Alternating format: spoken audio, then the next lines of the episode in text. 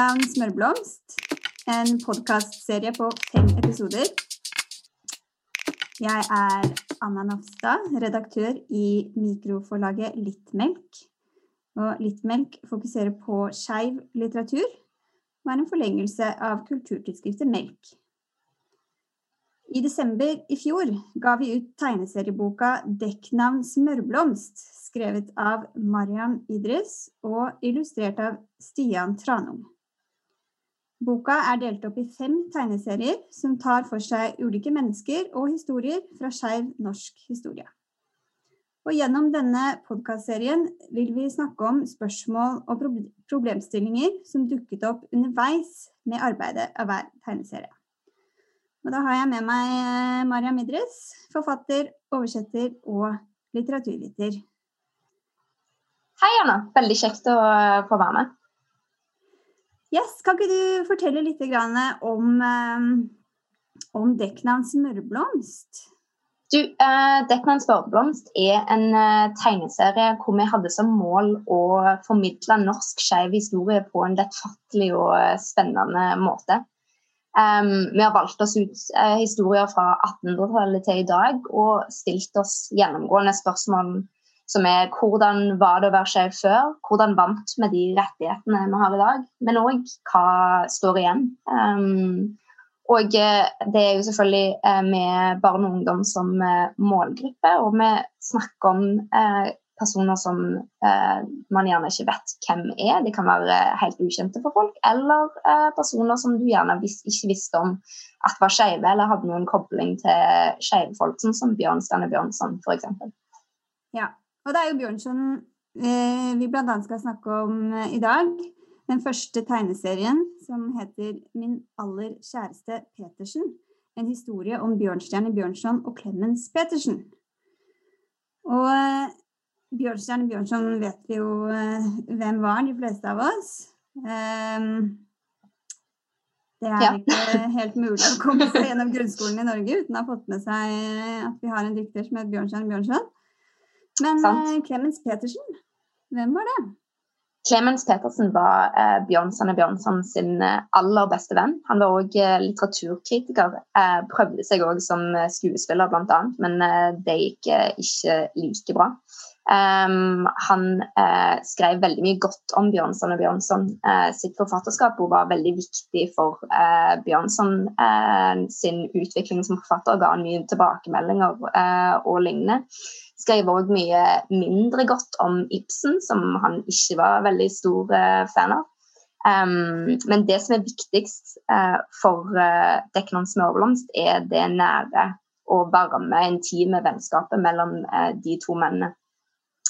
Um, og det som um, tegneserien da dreier seg uh, mest om, er at i 1869 så ble uh, Clemens Petersen avslørt uh, som homofil, homofil, og måtte rømme fra Norge. Først til Wien og så til USA.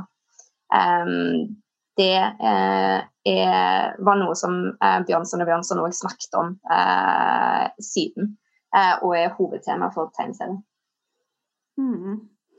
For jeg, jeg, valgte jo faktisk ut at denne historien skulle være med.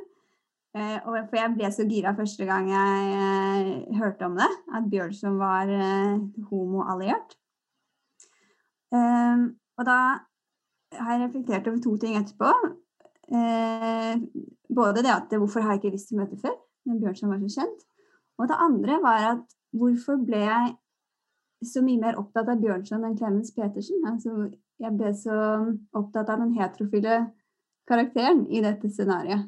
Og det var jo et av eh, problemstillingene som vi um, snakket litt om når vi skulle lage en tegneserie om disse to mennene. Um, hva skal man si, hvor stor plass skal heteroseksuelle ha i skeiv formidling? Hva er deres rolle? Hvordan, eh, hvordan, skal vi fortelle denne historien uten å nødvendigvis sentrere heteroseksualitet? Det er interessant å se hvordan skeiv kultur altså lenge tror jeg har hatt en tendens til å bruke um, heterofile rollemodeller til å fronte saken. Og jeg, det forstår jeg veldig godt. Det er, det er sånn Bjørnstjerne Bjørnson ble involvert i uh, homokampen uh, på den tiden. Han brukte sitt navn, han var allerede veldig kjent på den tiden. Han skrev uh, et berømt innlegg i eh, Dagbladet um, hvor han angrep det som vi kaller for pederastlovgivningen, som var en lov som uh, kriminaliserte sex mellom menn på den tiden. Um, han signerte òg uh, uh, et åpent brev uh, fra Magnus Hirschfeldt, som drev den samme kampen i Tyskland. Så han var en person som brukte sin kjendisstatus på en veldig positiv måte, på en måte for å hjelpe homofile i Norge og i Europa. Men å begynne å si at Bjørnstjerne Bjørnson var hoved hovedrollen i den historien. Det er der man kan begynne å trå feil, tror jeg. Da havner man i en sånn situasjon som f.eks. noen historikere som skriver om Judy Garland som den personen som forårsakte Stonewall uh, riots. Um, som jo selvfølgelig, altså Hun døde samme dag som um, de opprørene skjedde. Men de opprørene handla jo om polititrakassering fra politiet og uh, diskriminering av uh, homofile og skeive og transfolk. Um, og om rasisme i, i, en ganske stor grad. Det handler ikke om Judy Garden, men, men, det, men det er likevel Folk liker det. Det er en hook, på en måte. Det, det, handler om markedsføring, nesten, tror jeg ofte. Og det har alltid handla om markedsføring. Bjørn, på Bjørnsons tid, eh, Stonewalls tid og i dag fremdeles. Altså um, Fremdeles den dag i dag så fronter streite folk, eh, den skeive bevegelsen, Lady Gaga sin rolle for i homokampen. på en måte. Så det, det er noe som har skjedd eh, i mange hundre år, så det er litt interessant å tenke på. um, men da har man jo, som du sier, plutselig eh, en, pro en, problemstilling som man må eh, tenke litt nøye på. Hvordan skriver man den historien da? Uh, min måte å angripe det på var å um, og la fokuset hele tiden være på Clemens Petersen. Hvis eh, folk går og leser tegneserien, så håper jeg at de kan se at det som er fokuset på den tegneserien, er vennskapet mellom de to mennene, og eh, hvor vakkert det var. Helt ekstremt.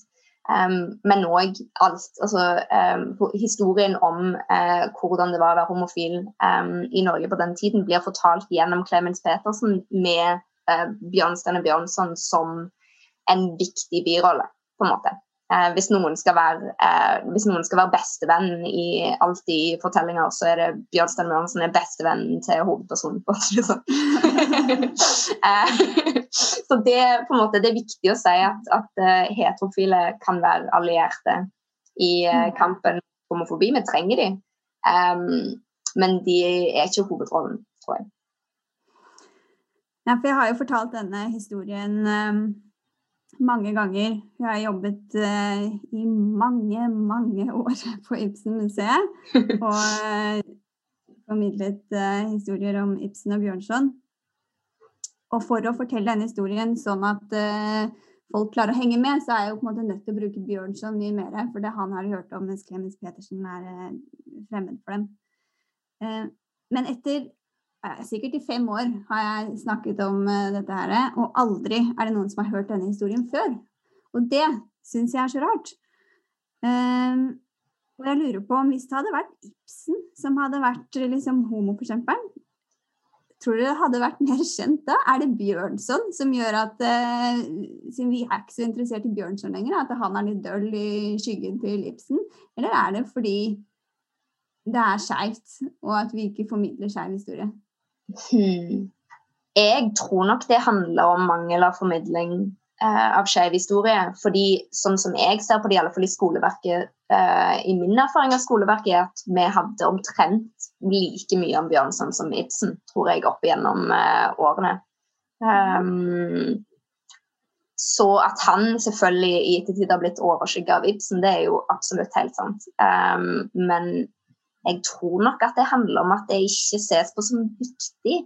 Gjerne mm. ikke at man aktivt hadde gått inn for å skjule noe. Det tror Jeg jeg skal ikke anklage alle um, norske lærere for å være homofobe, på en måte. Det tror jeg ikke. Um, Lærerne vet ikke heller. Nei, sant. Ja. um, og bare for å si hvor viktig det er. Altså, Bjørnson var en av de første kjente personene i hele Europa som offentlig gikk ut og forsvarte homoseksualitet. Så det er ikke en sånn liten bisetning han har gjort her. Det er jo en veldig stor, Mm. stor ting. Eh, min erfaring er at det er mye mer Ibsen enn Bjørnson på pensum. I hvert fall at man fordyper seg mye mer i, i verkene. Og at Bjørnson eh, Selvfølgelig nobelprisvinner og stor i sin tid. Men i dag så er vi mer opptatt av han som i en relasjon til Ibsen.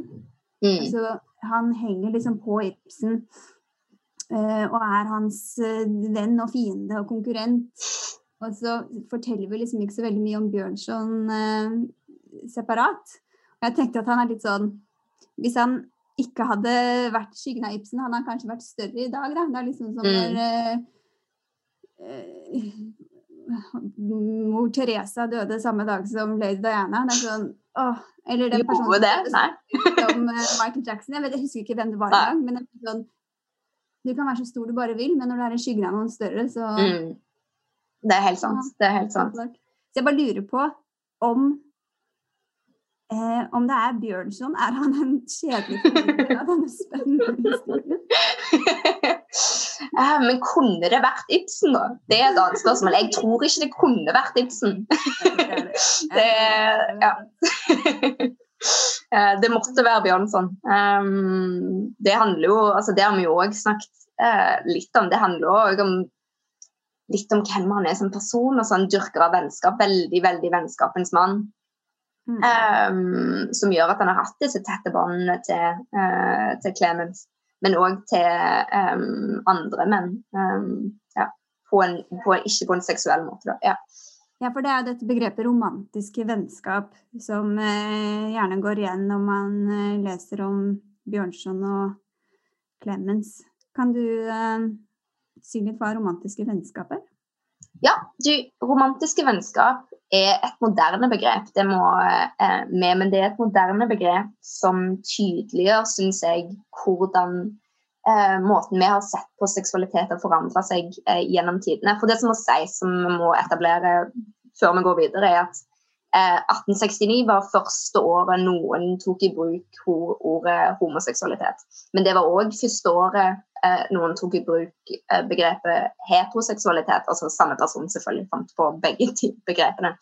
Um, så det vil si at når man snakker om seksualitet før den tid, så snakker man om seksualitet som var både snakka om som annerledes, eh, men òg sett på som annerledes. Og en av de kanskje rareste tingene eh, er dette som vi nå kaller for romantiske vennskap.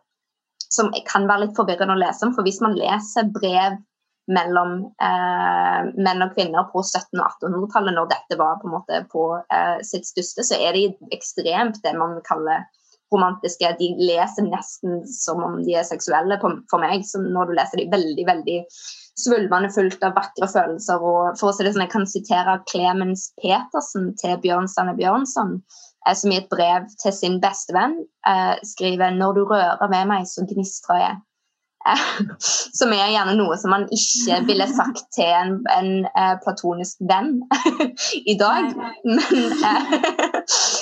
men som eh, på den tiden ikke, ikke var sett på som like rart. Og det tror jeg er viktig å ha i, eh, i grunnen. på en måte, At det er noe som Mm. er veldig annerledes. Um, men et problem med det begrepet er jo òg at man kan bruke det for å skrive bort uh, det man i dag ville kalt, kalt for homoseksuelle følelser eller homoseksuelle forhold. Man kan bruke det begrepet for å dekke over noe som kanskje kunne vært noe annet.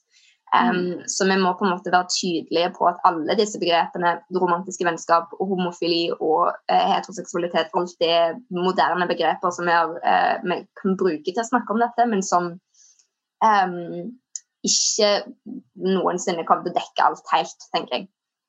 Nei. Mm. Ja, for det, vi har jo gjennom denne podkasten nå kalt uh, Bjørnson for hetero. Og det er jo en, som du sier, en moderne identitet som uh, Bjørnson ikke nødvendigvis uh, ville ha hatt. Um, men når vi sier hetero-homo, så mener vi jo da at Kalle Bjørnson hetero, at han hadde seksuelle og romantiske følelser for mennesker av Ja. Ja, annet kjønn. Sant. Um, og det er på en måte Man må jo ha den Når vi snakker om det, så snakker vi det om det som moderne mennesker, så det er jo forståelig at man gjør den um, fordelingen, syns jeg. Ja. Det var viktig Mm. å ha i hodet. Mm. Men jeg tenkte på um, dette med skeive Nei, streite sin plass i skeiv kultur.